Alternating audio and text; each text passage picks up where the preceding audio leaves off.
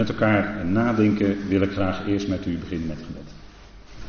Vader, dank u wel dat we ook op dit moment weer uw woord mogen openen met elkaar. Dank u wel dat u ons inderdaad in die rijkdom van uw genade zet. Vader, zoals het gisteren ook al even geklonken heeft, dat we in genade geredden zijn.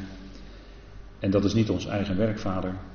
En daarom hebben we ook geen roem in onszelf. Maar dank u wel dat u ons anders leert roemen. Zoals ook in dit gedeelte staat. Dank u wel, Vader, dat we ook vanmorgen zo dat mogen overdenken met elkaar. Wil ons leiden door uw geest daarin. Geef ons een geopend hart, dat we de dingen van u mogen verstaan. En die woorden opbergen in ons hart en dat overwegen. Vader, dank u wel dat we mogen bidden, wilt u ons leiden door uw geest in het spreken. Mag het zijn tot opbouw van het lichaam van Christus. En mag het bovenal zijn tot lof en eer en verheerlijking van uw naam. Vader, we danken u voor dit moment wat u geeft. We danken u voor die rijkdom die we gezamenlijk mogen delen. In de naam van uw geliefde zoon. Amen. Dit is het eh, jaarthema waar we dit jaar mee bezig zijn en in bijzonder in deze week bij stil willen staan. Ik ben de Heer. En dat is een Hebreeuws woord natuurlijk. Yahweh zeggen we dan, maar Goed, hoe je het uit moet spreken, dat is eh, niet helemaal uh, goed duidelijk.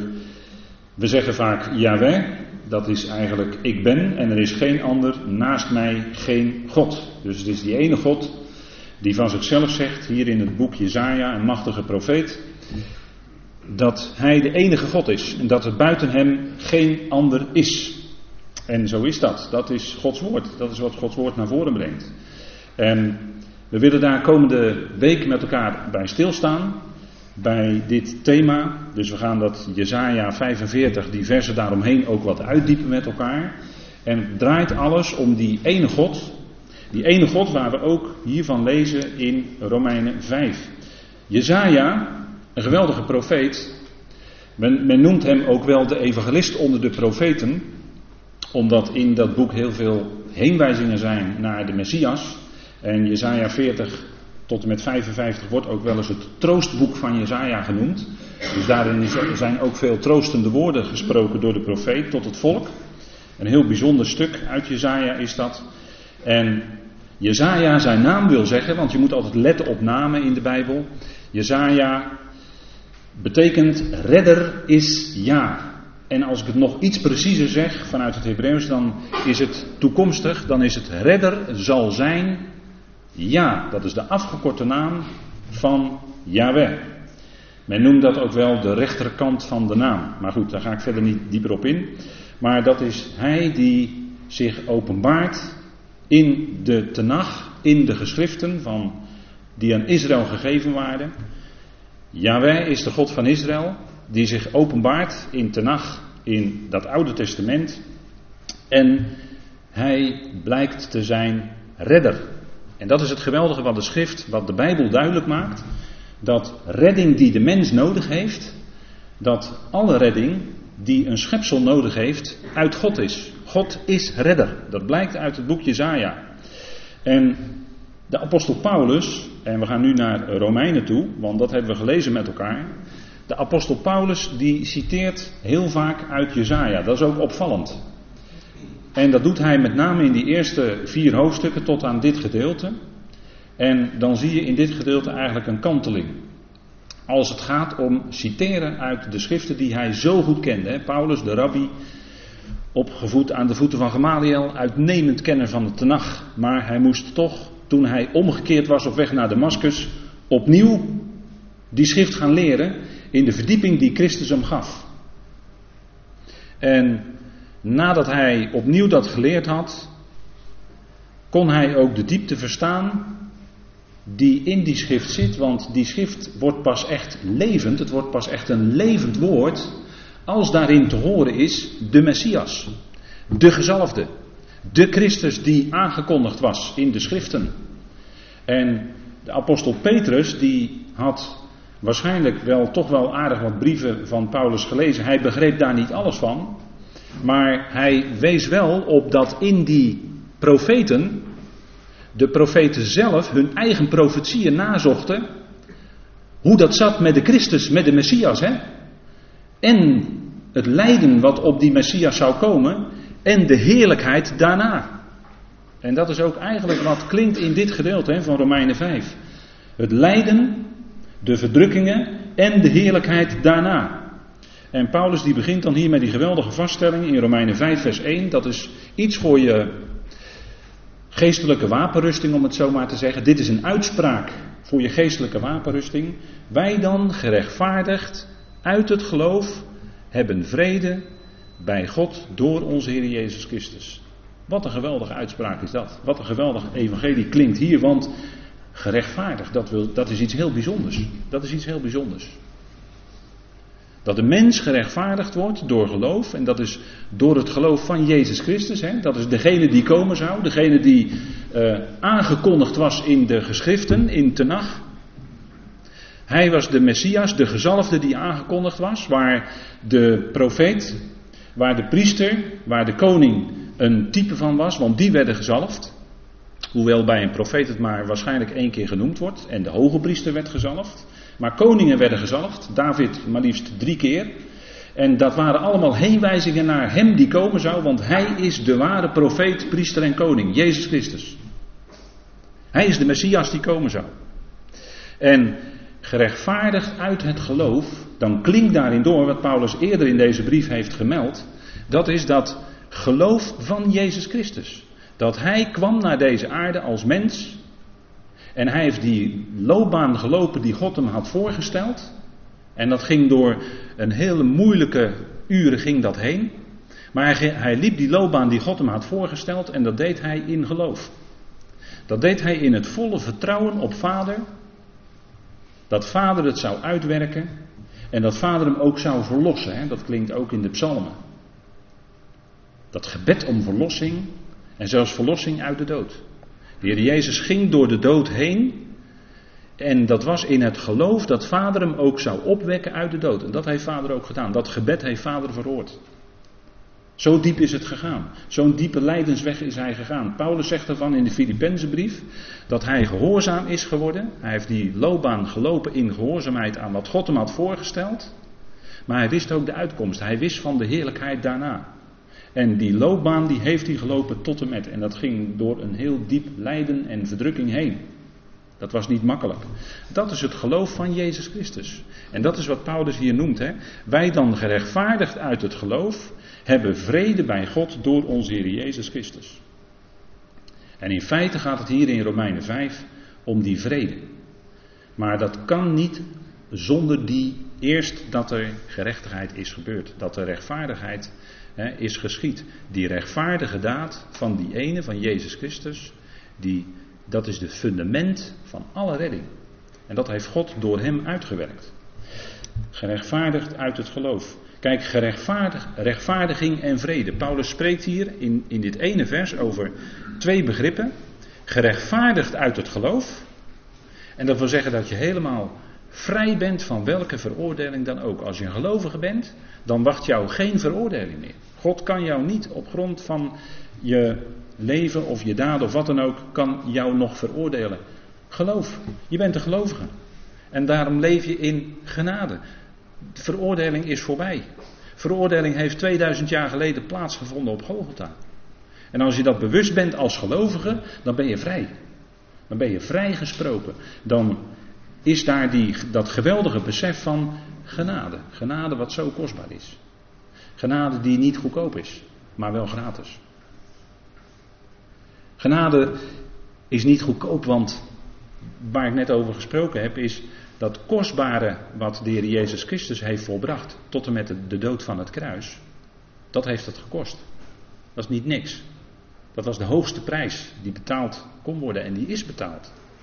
En daarom kunnen wij als gelovigen nu vandaag leven in dat besef van genade. Dat we vrij zijn. En het is ook zaak dat we in die vrijheid van de genade blijven staan. Twee begrippen hier, hè? Rechtvaardiging en vrede. Rechtvaardiging wil zeggen, je bent helemaal vrij. Er wacht jou geen veroordeling meer. En als je dat, daarvan iets beseft, van dat, want als mens ben je een doelmisser. Dat, dat is zonde in de Bijbel, hè? dat is eigenlijk missen. Je bent eigenlijk als mens gemaakt om te leven tot eer van God. En, maar de mens kan dat niet. Want dat stervensproces, dat sterven zit in die mens en die kan daarom niet komen aan, die, aan het leven in heerlijkheid en tot eer van God. Dan schiet je tekort. En als je als mens dat beseft, dan, ja, dan, dan kan er een schuldgevoel ontstaan. Dan kan een gevoel ontstaan van ja, als ik later voor God kom, dan word ik veroordeeld. Maar wat is er dan geweldig? Als je dan leert verstaan wat het, wat het kruis, wat het offer van Jezus Christus betekent. Dat betekent dat jij het niet hoeft te doen, maar dat Hij het voor jou heeft gedaan. Voor jou. Wat jij zelf niet eens kon, maar Hij heeft dat voor jou gedaan. Dat offer is volbracht. Voor eens en voor altijd. Voor iedereen. En daar heeft Paulus het over gerechtvaardigd uit het geloof. En, en de simpele, hè, wat, wat zo simpel lijkt, dat wij God geloven op zijn woord. En daar zit geen verdienste bij. Wij geloven God op zijn woord. En daarmee zeggen we dat hij rechtvaardig is, want hij, wat hij spreekt, dat zal ook gebeuren. dat, dat zegt een psalmist toch? Hij spreekt en het is er. Dat wil zeggen, een woord bij God, ja, dat is eigenlijk tegelijkertijd ook een daad. Dat kan misschien een tijd duren voordat het werkelijkheid wordt, maar het gaat wel komen. He, dabar is niet alleen een woord, maar dat is ook een daad. God doet een zaak door zijn woord uit te spreken. Gerechtvaardigd uit het geloof. En dan heeft Paulus het hier over vrede naar God toe. Vrede naar God toe. En dat is een punt. Want als gelovige kun je het besef hebben dat je gerechtvaardigd bent. En toch kan het dan zijn dat je naar God toe die vrede misschien mist of misschien niet altijd hebt. Die vrede heeft te maken met die versen die we gelezen hebben, waar dit stukje mee eindigt, met verzoening. Rechtvaardiging is één punt, maar dan komt daarna nog een heel ander belangrijk punt van in die relatie met God komen. Dat is die vrede met God. Vrede naar God toe. En daar heeft Paulus het over. En dat wordt geïllustreerd in de wet. En dat is dit plaatje hier wat u ziet. In Leviticus 3 en 4, daar gaan we niet te diep op in, anders zou het vandaag wat te lang duren. En uh, ik, spreek niet, uh, ik hoop niet te lang te spreken voor u. Maar Leviticus 3 en 4 spreken over zondoffers en over vredeoffers. In uw vertaling staat misschien in Leviticus 3 dankoffer, maar er staat eigenlijk vredeoffer. En die illustreren een waarheid. Zondoffers werden gebracht en sommige één keer per jaar door de hoge priester die dan bloed sprenkelt op grote verzoendag, Yom Kippur. En dan kon het volk weer één jaar lang verder, om het zo maar te zeggen. Dan was er één jaar lang een zondoffer gebracht. En het was één jaar lang, dan was het goed. Maar daardoor had men geen toegang tot God. Alleen de hoge priester mocht in het heilige der heiligen komen. De Israëliet mocht niet naderen, moest via de priester, moest via de hoge priester. Die deed de dienst in de tabernakel en in de tempel. Dat was het zondoffer.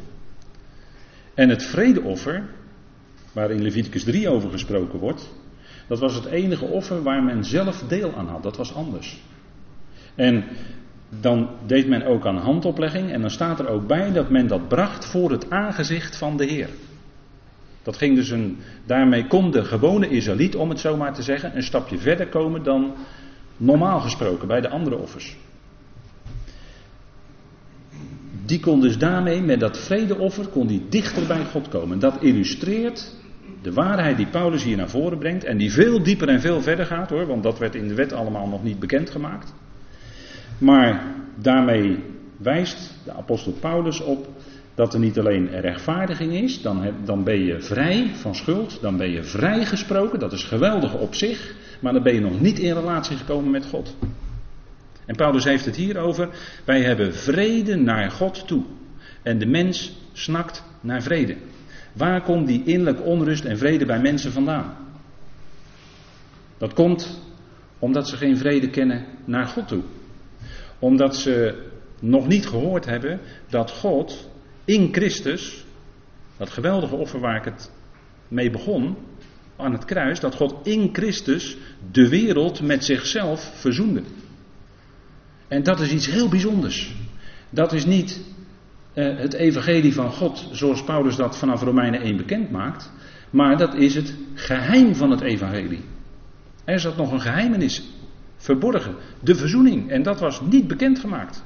Vandaar dat Paulus, als je de Romeinenbrief leest, vanaf hoofdstuk 5 eigenlijk niet echt citeert uit Tenach, uit het Oude Testament. Een paar uitzonderingen. Twee, er zijn twee uitzonderingen. Maar die illustreren juist het punt. Het geheim van het evangelie is dat God in Christus de wereld met zich verzoende. En, en dat er dus voor de zondaar geen enkele belemmering meer is. Maar dat de zondaar zomaar tot God kan naderen. Zonder dat hij iets hoeft te doen. Het is al gedaan. De verzoening is al tot stand gebracht. God heeft de wereld lief.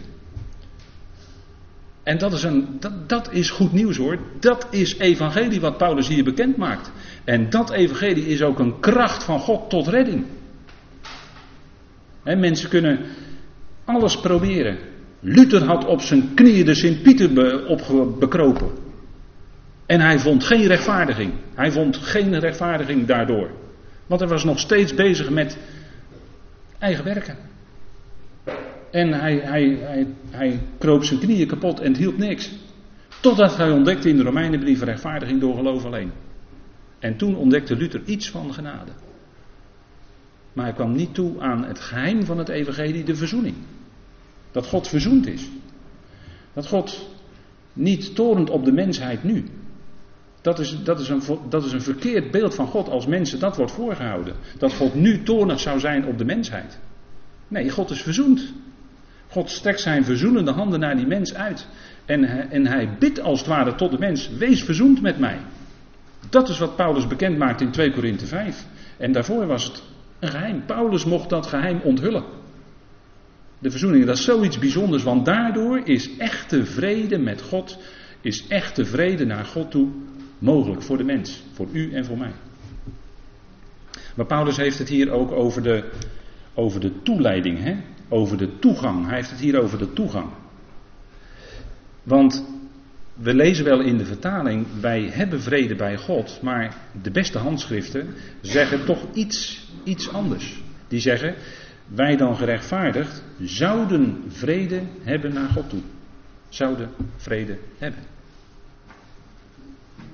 En dan zegt u, ja, maar dat zouden zit een beetje onzekerheid in. Dat is omdat gelovigen niet altijd dat geheimenis van het evangelie te horen krijgen.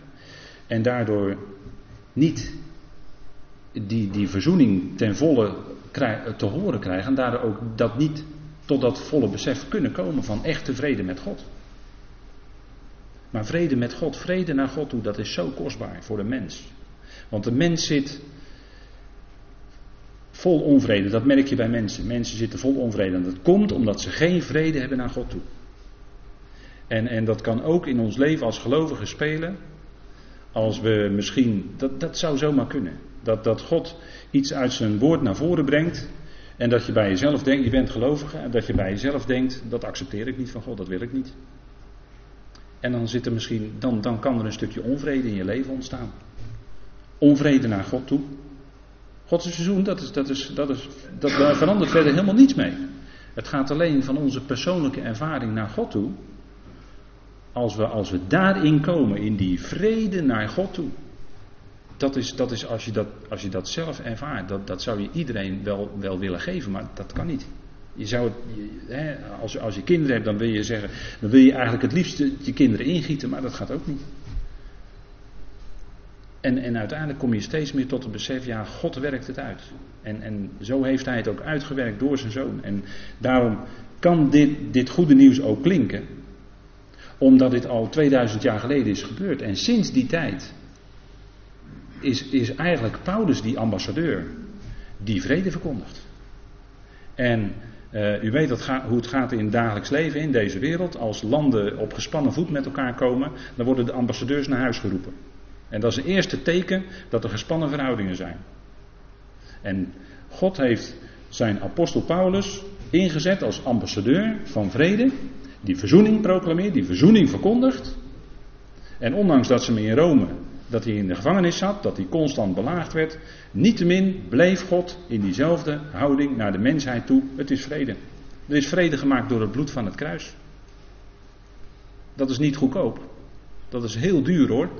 Door het bloed van het kruis heeft God vrede gemaakt. Via die weg is het gegaan en geen andere. En alleen via die weg kon het tot stand komen. En wij kunnen God daarvoor danken. Het enige wat je zou kunnen zeggen tegen iemand, ga God daarvoor danken. Je hoeft niks te doen. Ga God er gewoon voor danken. Voor die verzoening die in feite is. En, en als dan die vrede je hart binnenstroomt, je leven binnenstroomt, ja, dat is iets geweldigs. Dat is, dat is eigenlijk onbetaalbaar, zoiets. daar zouden mensen misschien wel, wel, wel miljoenen voor over hebben om dat in hun hart te beleven. En, en dat is het geweldige wat God ons geeft. Dat is rijker. Kijk, die mens die wilde maar, maar kon het niet. Paulus zegt er ook, wij hebben die toeleiding gekregen tot in deze vrede. Die genade waarin wij staan door onze Heer Jezus Christus. Het is alleen door Hem. Het is geen andere weg. Geen andere mogelijkheid. En deze genade waarin wij staan. Als je die verzoening beseft, als die vrede van God in je hart is gaan regeren. Hè? Als die vrede van God je leven is binnengestroomd. Die liefde van God in je leven is gekomen. Ja, dan, dan sta je in deze genade. Daar heeft Paulus het over. Hè? Deze genade waarin wij staan. Wij staan in deze genade van de verzoening. Dat is een geweldig aspect van de genade. En in Hem, hè, in Christus, verklaart God zelfs dat wij in Hem een nieuwe schepping zijn. Dat zegt hij ook in 2 Korinthe 5, hè, staat in hetzelfde gedeelte. In Hem een nieuwe schepping. Dat wil zeggen, het oude is voorbij, zie het is alles nieuw geworden. Dat is die vernieuwende kracht van die geest van God in ons leven. En zegt u, ja, dat, dat, dat mag ik al jaren weten, maar het gaat, het gaat nog wel eens mis. Het gaat nog wel eens mis. Ik doe nog wel eens dingen die, waarvan ik later denk van ja, dat is, was eigenlijk toch niet handig. Of daarna heb ik toch even iets gemist. En misschien zit u wel met dingen. De enige weg die we hebben is, ga ermee naar God. Breng het in het licht van God, want God is licht. In Hem is in het geheel geen duisternis. Het hele themanummer van de nieuwste UR, wat hier ook beschikbaar is, gaat daarover. Licht. Licht in de schepping. God is licht. En als je bij God brengt, dan breng je het in het licht. En dan neemt hij het ook van je af. Het was geen verhindering in je, in je relatie, maar vanuit jezelf kan er misschien iets tussen. Hè? Vanuit God is er nooit een verhindering. Nooit. Vanuit God is het altijd vrede. Die weg altijd open. Geen enkele belemmering. Deze genade waarin wij staan, en dat is die verzoening die Paulus hier bekend maakt in Romeinen 5. En waar hij in 2 Korinthe 5 ook over spreekt. Verzoening, dat is iets anders en dat moet ik misschien toch even zeggen, als u in de Bijbel leest, en u leest de hele Bijbel, dat doe ik ook, de hele Bijbel, dan kom je in Tenach tegen, hè, wat ik net noemde, Grote Verzoendag. Maar dat was eigenlijk niet Grote Verzoendag, wat de hoge priester deed, maar op Grote Verzoendag werd er bloed gesprenkeld, en dat was niet tot verzoening waar we het nu over hebben vandaag, zoals Paulus dat zegt, maar dat was een bedekking dat was eigenlijk een bescherming voor het volk gedurende een jaar. En als er gedurende het jaar ook zondoffers gebracht werden door de individuele Israëliet, werkte dat als een bedekking tot vergeving. Maar Paulus had al betoogd in Romeinen 3 dat daarmee de zonden niet weg waren gedaan. Ze waren alleen beschermd. De Israëliet had bescherming. Maar het was niet weg. Want het moest steeds herhaald worden. En al door dat herhalen bleek al dat het niet weg was. Anders was er geen herhaling meer nodig. Maar nu, en, en daar denk ik ook aan de Hebreeënbrief natuurlijk, maar nu is er eens voor altijd is die verzoening tot stand gebracht. En dat zal uiteindelijk ook alle mensen bereiken in werkelijkheid. Nu alleen vandaag voor de gemeente, de gelovigen. Maar uiteindelijk zullen alle mensen delen in die heerlijkheid van de verzoening. En dat is, het, ja, dat is uh, niet anders dan goed nieuws. Hè? En dan zegt Paulus, wij roemen in de verwachting van de heerlijkheid van God. We roemen niet in onszelf, maar waar kunnen we dan wel in roemen? Hè? Want roemen in onszelf, ja, dat van het vlees valt niet zoveel goed te verwachten. Van de mens zelf eigenlijk. Hè? Uit de mens zelf, uit zijn vlees, valt niet zoveel goeds te verwachten. En als je denkt van nou ja, daar wil ik wel eens met je over praten, nou, dan praten we daarover. Maar als je wat verder misschien op weg bent als gelovige, ga je dat ook steeds meer erkennen. Dat is vanuit jouzelf, vanuit jouw vlees, dat daar weinig goeds van valt te verwachten. Waar wel wat goeds uitkomt, is die geest van God die in je werkt. Daarom is echte liefde en vrede en vreugde vrucht van de geest. Dat is niet vrucht van jouw inspanningen, maar is vrucht van de geest. Appels groeien zomaar aan de bomen, dat is vrucht van die boom.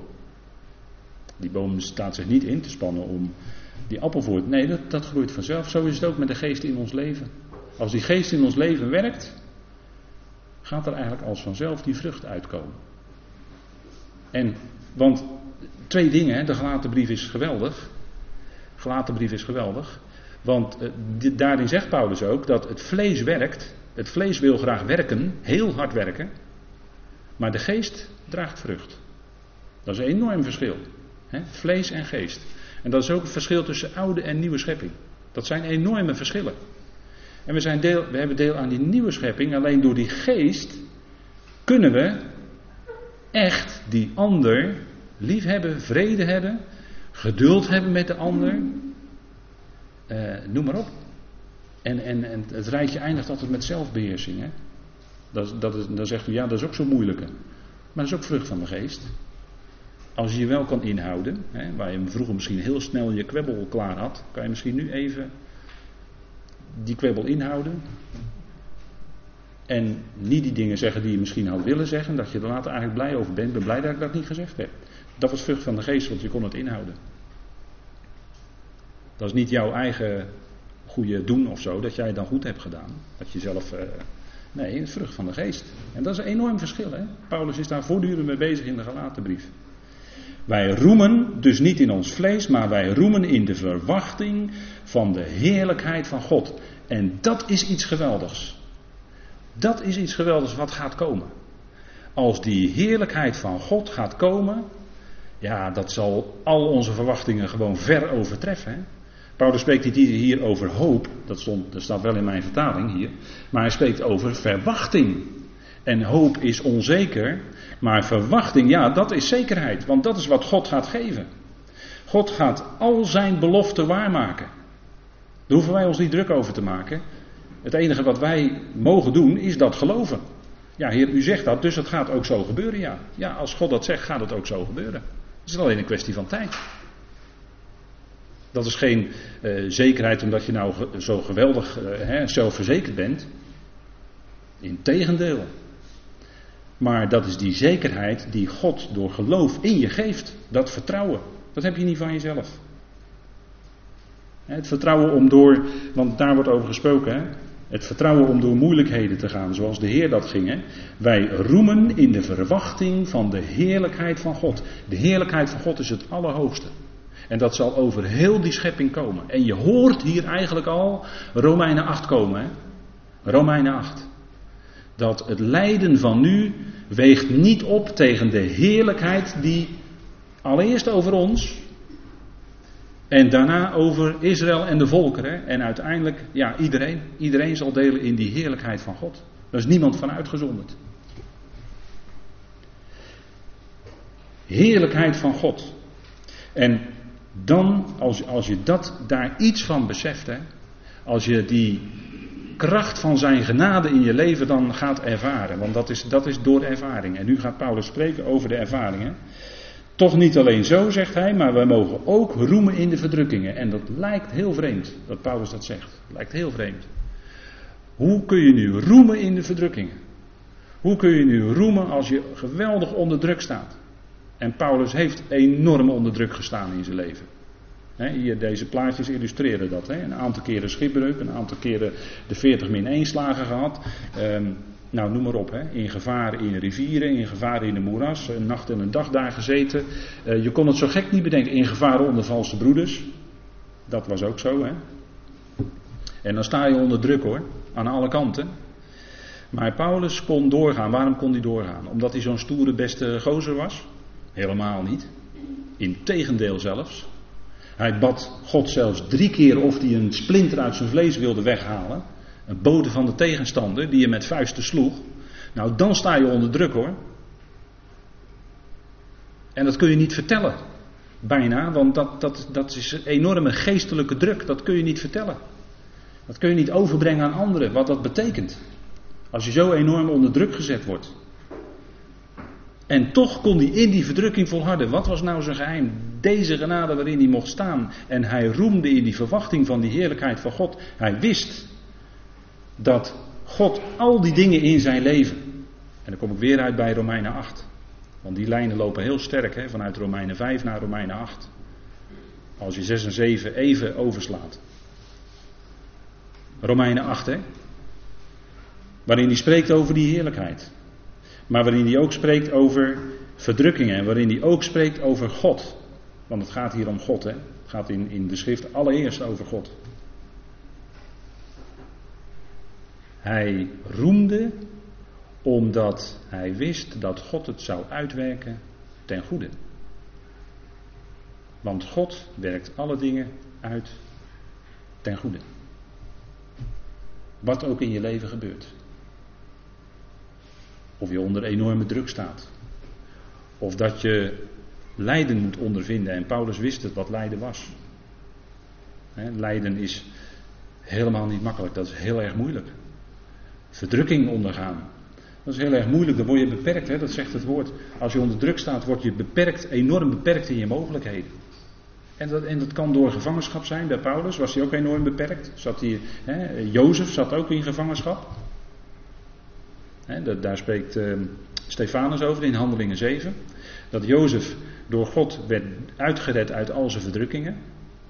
Maar hij moest eerst wel door die enorme moeilijkheden heen gaan. Hè? Wat denk je? Door je broers verworpen worden, in een put gegooid, alsof je. Ze wilden het liefst, ze hadden hem het liefst, hadden ze hem omgebracht. Hè? Jozef. Natuurlijk een type van onze Heer. En toen kwam hij in Egypte en dan kwam daar ook nog volkomen onterecht in de gevangenis terecht. Dan sta je onder druk. Maar wat, hoe God het uitwerkte was dat er uiteindelijk heerlijkheid kwam. Hij werd onderkoning van Egypte. De heerlijkheid. Dat was de heerlijkheid in Jozefs leven na zijn lijden. En zo werkte God dat heel wonderlijk uit. Hè? En in ons leven zijn de verdrukkingen. Staan we onder druk, worden we beperkt. Door ouderdom. Komt met gebreken, zeggen we heel makkelijk. Hè? Maar dat is helemaal niet makkelijk. Als je ouder wordt, dat je steeds beperkter wordt in je mogelijkheden. Dat is helemaal niet gemakkelijk lijden wat je overkomt. Door ziekte, door pijn, door moeite, door dingen die je overkomen, door dingen die in je familie gebeuren, eh, noem maar op. verdrukkingen is niet makkelijk. Maar in die verdrukking is het die genade van God die in ons werkt. En, en waardoor we zelfs in, in de verdrukkingen kunnen roemen, want we hebben een geweldige verwachting. Het is God die ons dan die kracht, precies die kracht geeft die we nodig hebben, juist in die omstandigheden. En brengt ons zo weer een stap verder. En soms zeg je van nou, Heer, ik kan alleen maar misschien deze ochtend doorkomen. Wilt u me dan kracht geven om deze ochtend door te komen? En dan tussen de middag, wilt u me kracht geven om deze middag door te komen? Dat kan. Zo erg kan je het in, in je leven aanlopen. En is God het die nabij is? Hè, dat is niet iets uh, waar, wat we hoeven in te roepen. Heer, wilt u mij alsjeblieft nabij zijn? Nee, de Heer is nabij. Dat is juist het geweldige. Daar kunnen we voor danken. In die omstandigheden is de Heer ook nabij. En draagt hij ons. En daarom kunnen we zelfs roemen in de verdrukkingen.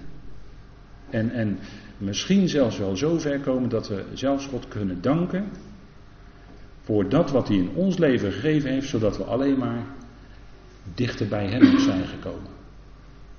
We zijn alleen maar dichter bij Hem gekomen. En dat, dat is ook wat uh, een oud lied zegt: Nader tot U. Nader mijn redder tot U. hoe het ook in het leven gaat, maar het brengt mij dichter bij U. Dat is het geweldige. En, en in ons hart hebben we altijd die vreugde, die verwachting die God geeft en die die gaat, die die gaat geven, absoluut zeker. Dat maakt de verdrukking er niet minder om. Dat maakt het lijden er niet minder om. Maar we hebben die verwachting van de heerlijkheid van God. Die gaat komen, dat is gegarandeerd. Wij roemen in de verdrukkingen. De grote druk staan.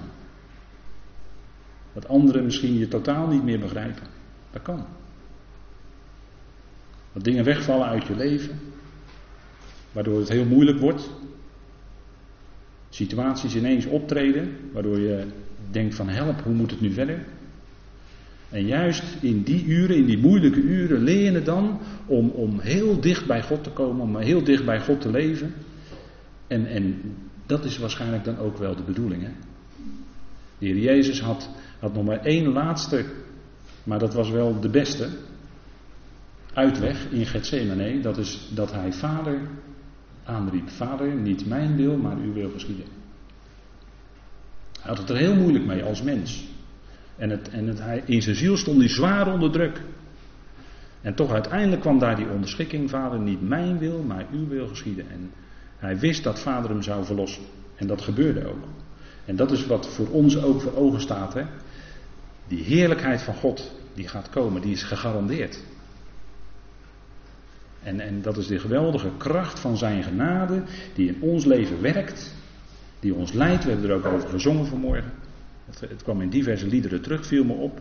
Hè? Kracht, genade. Die kracht die we ontvangen, dat is die genade van God in die omstandigheden. Dat is niet makkelijk. Gaat soms via een moeilijke weg.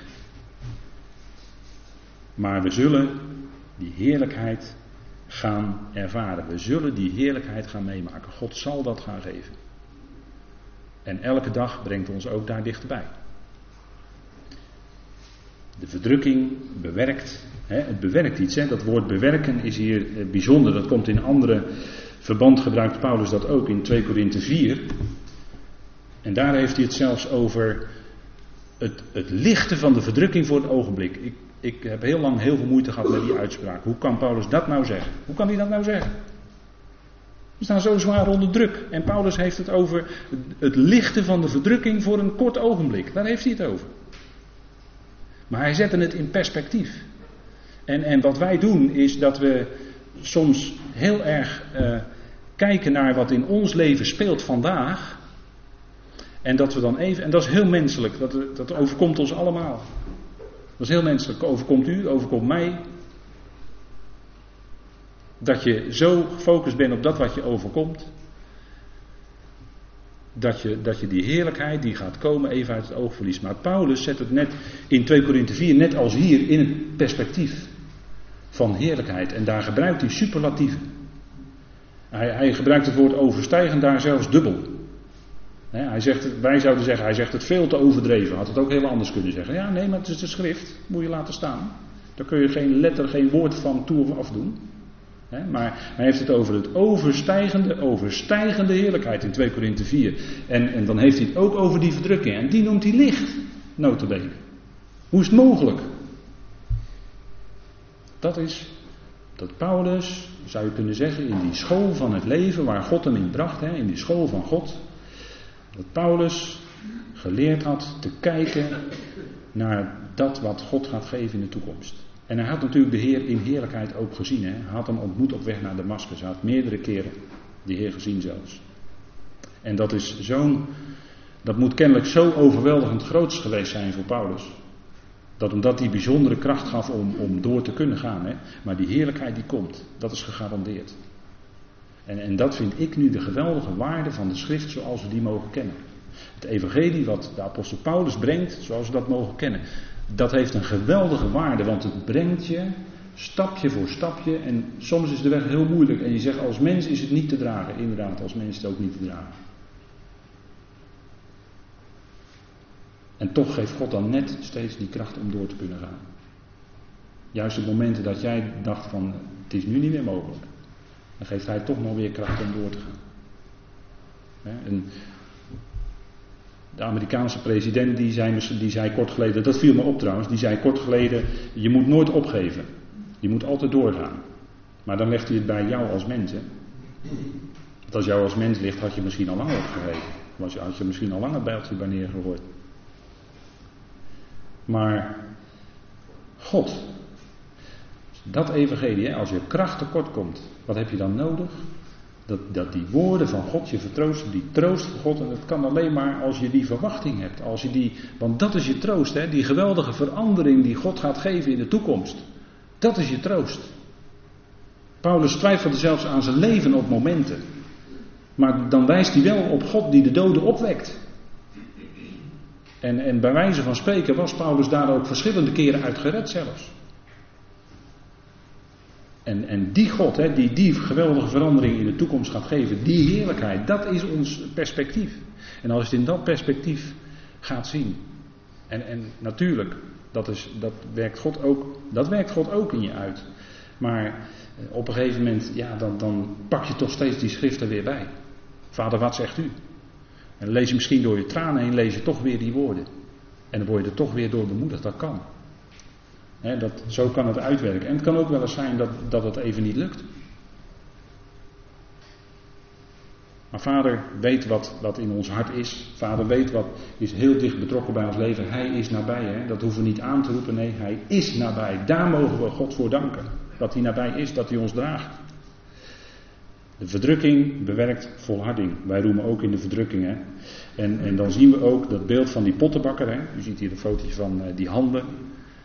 En dat zijn die handen van God als de grote pottenbakker in ons leven.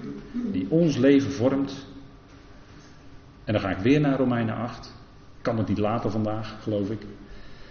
Maar dan ga ik weer naar Romeinen 8. Want wij worden omgevormd naar het beeld van de zoon. Dat is fantastisch, hè? Wij worden omgevormd naar het beeld van de zoon. En wat is het geweldig als, als daar nu al iets van zichtbaar wordt. Straks zal het in volkomenheid zijn. Als we bij de Heer zijn.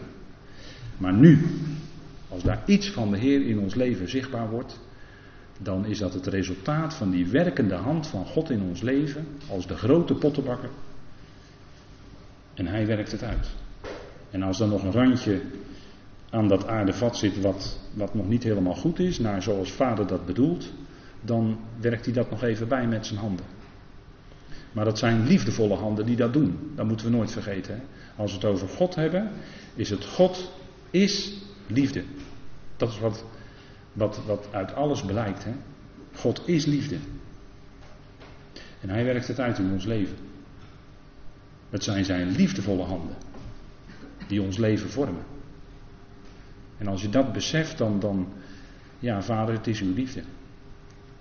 U brengt het in mijn leven, ik heb het heel moeilijk mee, maar u heeft mij lief. En leert u mij om het te begrijpen. Want misschien zeg ik, ik begrijp er helemaal niets van, of ik begrijp het nog steeds niet. Wij roemen in de verdrukkingen. En de verdrukking die bewerkt volharding. Dat je eronder kan blijven, hè, betekent dat. Dat je eronder kunt blijven onder die situatie. In eigen kracht? Nee. Alleen de kracht die God geeft, dan kan het. Hè? En de volharding, en dan wordt het woord bewerk even niet genoemd, hè, maar het wordt in feite wel voor uh, je, je, leest het eigenlijk wel. Hè? En de volharding bewerkt beproefdheid, getestheid. Hè, net zoals uh, je soms als je dingen moet bewerken of dingen moet testen, hè, instrumenten moet testen om, om te kijken of het goed is. Hè, instrumenten moeten ook geëikt worden. Maar dingen worden getest. Hè, dat gebeurt heel vaak in het dagelijks leven. Dingen worden getest, daarom worden ze soms onder druk gezet. En ze zeggen wel eens onder druk krijg je boter. En misschien wel roomboter. Maar als je onder druk staat, en dat, dat gebeurt ook bij uh, kijk maar naar bijvoorbeeld bomen die, uh, die heel veel wind en storm te verduren hebben gehad. Die bomen die blijken juist dieper te wortelen. Die blijken juist dichter hout te hebben. Waarom? Nou, door de verdrukkingen is, het, is dat juist alleen maar sterker geworden. Is dat versterkt. En zo doet God het ook in ons leven. En, en komen we eigenlijk gesterkt uit die omstandigheden, omdat God dat extra kracht heeft gegeven. Die nodig was. Datgene wat nodig was, dat geeft God. En de beproefdheid, en dan komen we weer uit bij die verwachting. Want die verwachting die we hebben, die zal ons niet beschamen. als we de hoogste verwachting hebben van God, zal dat ons niet beschamen. Hij zal al zijn beloften waarmaken. En ook al zijn onze verwachtingen nog zo hoog gespannen, als we eenmaal in die heerlijkheid zullen zijn bij God, dan zal blijken dat die heerlijkheid nog veel groter was dan we dachten. Het zal nog veel heerlijker zijn. En dat is wat ons voor ogen mag staan. Hè? Die geweldige verwachting waar heel de schepping zo naar uitkijkt. Heel de schepping die, uh, ja, er wordt vergeleken met als een kindje geboren gaat worden, met weeën. De, de schepping leidt weeën, maar dat is om iets geweldigs voor te brengen. Uiteindelijk komt daar die nieuwe schepping. En we mogen dat, we mogen dat al bewust zijn, dat we in Christus nu al een nieuwe schepping zijn. Nou, als je dat bewust bent, als je dat bewust bent, als je daar iets van bewust bent, wat, wat een vreugde geeft dat van binnen, in je hart. Dat is die genade die God geeft.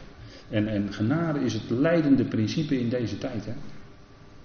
Dat is ook het bijzondere van, van wat Paulus bekend mocht maken. Dat degene, datgene, of degene die nu op de troon zit, hoe moet ik het zeggen, is genade. Genade. En, en dat, is, dat, dat heeft zoveel facetten in zich. Dat is een diamant met zoveel vlakken. maar de genade werkt uit. de reddende genade van God is verschenen. Betekent redding voor alle mensen.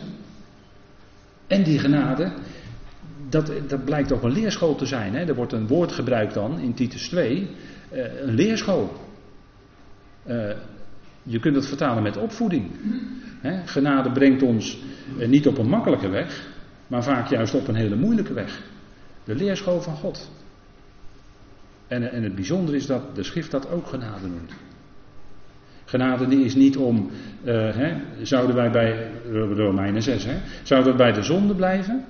Nu we zien dat de genade regeert, zouden we dan bij de zonde blijven? Mag, mag dat niet gebeuren? Volstrekt niet. Dat is niet de bedoeling. Absoluut niet.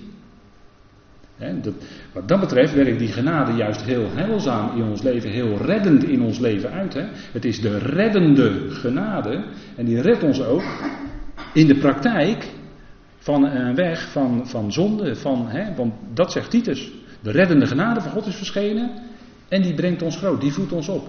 Opdat wij de wereldse begeerte verlogenen. Dus het is precies een omkering. Vroeger verloochenden wij misschien de Heer in ons ongeloof. Maar nu verloochenen wij die wereldse begeerte en lopen daar niet achteraan. Dat is ook genade. Dat je leven zo verandert. Dat is de uitwerking van het evangelie in ons leven. Romeinen 6. Daarnet zei ik even, als we Romeinen 6 heel even overslaan, maar dat was even voor toen, hè, voor daarnet. Maar als we nu kijken in Romeinen 6, zouden we bij de zonde blijven. Volstrekt niet, zegt Paulus, mogen dat niet gebeuren. Nee, er is iets heel anders aan de hand. Juist die oude mens is aan het kruis gegaan met Christus. En daarom kunnen we nu in een nieuw leven wandelen. Dat is die genade. Dat we in nieuwheid van leven wandelen. En zo die genade uitleven. Dat is ook een stuk van die heerlijkheid die God dan nu al in ons leven wil geven en geeft. De verwachting maakt niet beschaamd. En dan zegt Paulus, omdat de liefde van God in ons hart is uitgegoten. Die liefde van God, hè, dat is de kern. Daar draait het om. Dat is de grond van ons bestaan. Dat is de grond van de verzoening. Die liefde van God. En dat is uh, een liefde die zo die wereld lief had, dat hij zelf zijn eigen zoon niet gespaard heeft. Maar voor iedereen heeft overgegeven. Die liefde is dat, hè? Die het beste heeft gegeven, want we hadden het net heel even over de offerdienst. Daar moest het vet, was voor de Heer. Hè? Het vet en de, en de beste delen van het dier was voor de Heer. Hè? Werd verbrand, werd helemaal verbrand. Tot een aangename geur voor de Heer. Leest u maar na bij het vredesoffer. Tot een aangename geur voor de Heer. Het vet, het beste. Dat is voor de Heer. En, en dat is ook het aspect van, van de wandel van de Heer Jezus. Dat was allereerst een aangename geur voor God. dat is een aspect van, van de offerdienst, hè, wat, wat in, in Leviticus al in typologie daarin zit. Het vet is het beste. En dat was die wandel van de Heer, waarin hij het beste gaf voor vader. Hij leefde totaal in afhankelijkheid en overgave aan God, om tot eer van God te zijn. En hoe werkt zich dat uit nu? Hè? Dat wij het ook het beste. Hè? Uh, we zeggen wel eens het beste is nog niet goed genoeg. Ja, ik weet niet of die uitspraak, daar denk ik wel eens over na. Maar dat we, als we tot dat bewustzijn zijn gekomen, wat Hij voor ons heeft overgehad. Dan kom je ook tot een moment in je leven dat je zegt, Heer, Ja, maar nu, nu wil ik dat mijn leven en mijn tijd voortaan voor u is. Wil ik in uw dienst staan, met wat ik ook doe in mijn leven. En er zijn zoveel praktische dingetjes elke dag die je kan en mag doen. Maar in die situatie waarin we zijn, ja, voor Hem willen zijn, van Hem willen zijn. dat is het. Dat is ook genade als je het zo uitleeft. Niet beschaamd, hè? die verwachting maakt niet beschaamd. Die liefde van God is in ons hart uitgegoten door de Heilige Geest. Hè? Dat is het geheim. Dat is het geheim wat de Israëliet in de tijden van het Oude Testament, om het zo maar te zeggen, nog niet had. Hè? De inwoning van de Heilige Geest. Dat is ook zo'n bijzonder karakteristiek van deze tijd. Hè? Dat is een enorm verschil met de voorbije tijden. De permanente inwoning van de Heilige Geest in ons. Dat kende de Israëliet niet. Maar God heeft dat als een genadegeschenk aan ons gegeven. ook weer zo'n aspect van die genade. We, bespreken er vandaag een paar vlakjes van die geweldige diamant. Maar dat is ook zo'n geweldige gave. Die Heilige Geest die permanent in ons woont. Dat is niet spectaculair, maar die werkt wel door. En op een gegeven moment zie je misschien verbaasd in je eigen leven de vruchten van. Kijk je verbaasd achterom en dan zeg je, nou vroeger was ik uh, super ongeduldig.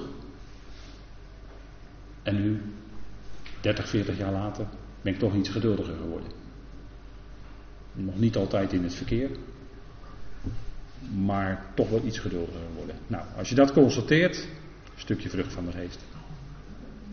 Vrede in je leven, vrede met God en daardoor ook vrede met je medemens, want zo werkt het. Hè? En Ruud zei dat in zijn laatste spreekbeurt heel mooi. Hij zegt, via Christus met elkaar. Hè? Dus die vrede, Hij is onze vrede. Het gaat via Christus. En we hebben ook vrede met elkaar. Zo werkt het uit. Hè? Eerst verticaal naar God toe, vanuit God, vanuit Christus. En dan naar de ander toe, naar elkaar. Zo en niet anders. Hè? En dat is wat die, die verzoening, wat die vrede, wat die geest in ons uitwerkt. Hè? Die geest van God, God die liefde is, dan is zijn geest ook hetgeen wat liefde in ons wekt en uitwerkt. Nou, dat zijn zo een paar aspecten uit dit fantastische hoofdstukje Romeinen 5 hè, van het evangelie zoals Paulus dat brengt. Hè. En, en dat is heel kostbaar. Vrede naar God toe.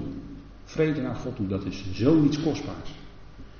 Vrede in, in en, en Paulus heeft het nog later over de vrede van God. Dat is die vrede van God hebben in elke omstandigheid.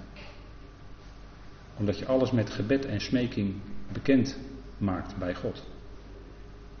En, en als daar stoorzenders, daar kunnen stoorzenders, en vanochtend stoorde het hier ook, hè, door die smartphones stoorden het hier, dat waren stoorzenders. Maar dat kun je ook wel eens hebben in je relatie met God. Dan zitten de stoorzenders op de lijn. Dat kan. En is het zaak om die stoorzenders uh, op een gegeven moment uh, te wieberen en zeggen van uh, wegwezen jij. Alles wat, God, wat iets belangrijker kan worden dan God in je leven, kan een stoorzender opleveren. En dat, dat werkt zich dan ook uit in je relatie naar God. En het kan best zijn dat God je dat dan duidelijk maakt door iets wat je hoort uit, uit zijn woord. Dat je dan met vader erover spreekt. Goed. En dan met vaderskracht het uit je leven wegdoet. Of dat andere wat zo belangrijk was geworden dat het weer even de kop indrukt. Dat je dat de kop indrukt. Kan hè? Zo werkt dat uit door die geest in ons leven. En dan heb je ook echt vrede. Die vrede met God. Hè? Nee, vrede naar God toe. Dat is zo belangrijk. Goed zullen we daar God voor danken. Vader, we danken u voor het moment wat u ons gaf. Om bij uw woord stil te staan. Een kostbaar woord uit deze machtige Romeinenbrief, waarin dat evangelie, dat goede nieuws zo heerlijk bekend wordt gemaakt. Vader, en zelfs het geheimenis van het evangelie, de verzoening. Vader, wat zoiets bijzonders is en wat helaas nog maar zo weinig gehoord wordt. Vader, maar dank u wel dat we het woord mogen bewaren, het mogen uitdragen en die boodschap van verzoening bekendmaken. Vader, met onze houding naar die ander toe. Vrede. Vader, dank u wel dat het vrede is. Dat u dat woord van vrede in ons leven spreekt. Dat Christus onze vrede is. Dat we daardoor die eenheid met u en met Hem en met elkaar ervaren. Vader, vrede, verzoening. We danken u dat u dat woord spreekt in ons leven. Dat we daar al, misschien al jaren mee op weg zijn. Dank u dat u ons door de ervaringen leert. Ervaringen van druk, lijden, verdrukkingen. Geen gemakkelijke weg, vader. Was het voor uw zonen ook niet en voor ons als zonen ook niet. Maar dank u wel dat uw werkende, maar ook dragende hand in ons leven aanwezig is. Vader, dank u wel dat u het zo werkt en dat we ook komende week stil mogen staan bij het jaarthema. Vader wil daar, ons daarin leiden en geven dat het een goede, opbouwende week mag zijn. Vader, tot eer van u. En we danken u daarvoor. We danken u voor dat geweldige wat u tot stand heeft gebracht. Vader, door uw zoon te geven. Wat is dat een kostbaar geschenk. Dat u hem opwekte uit de dood.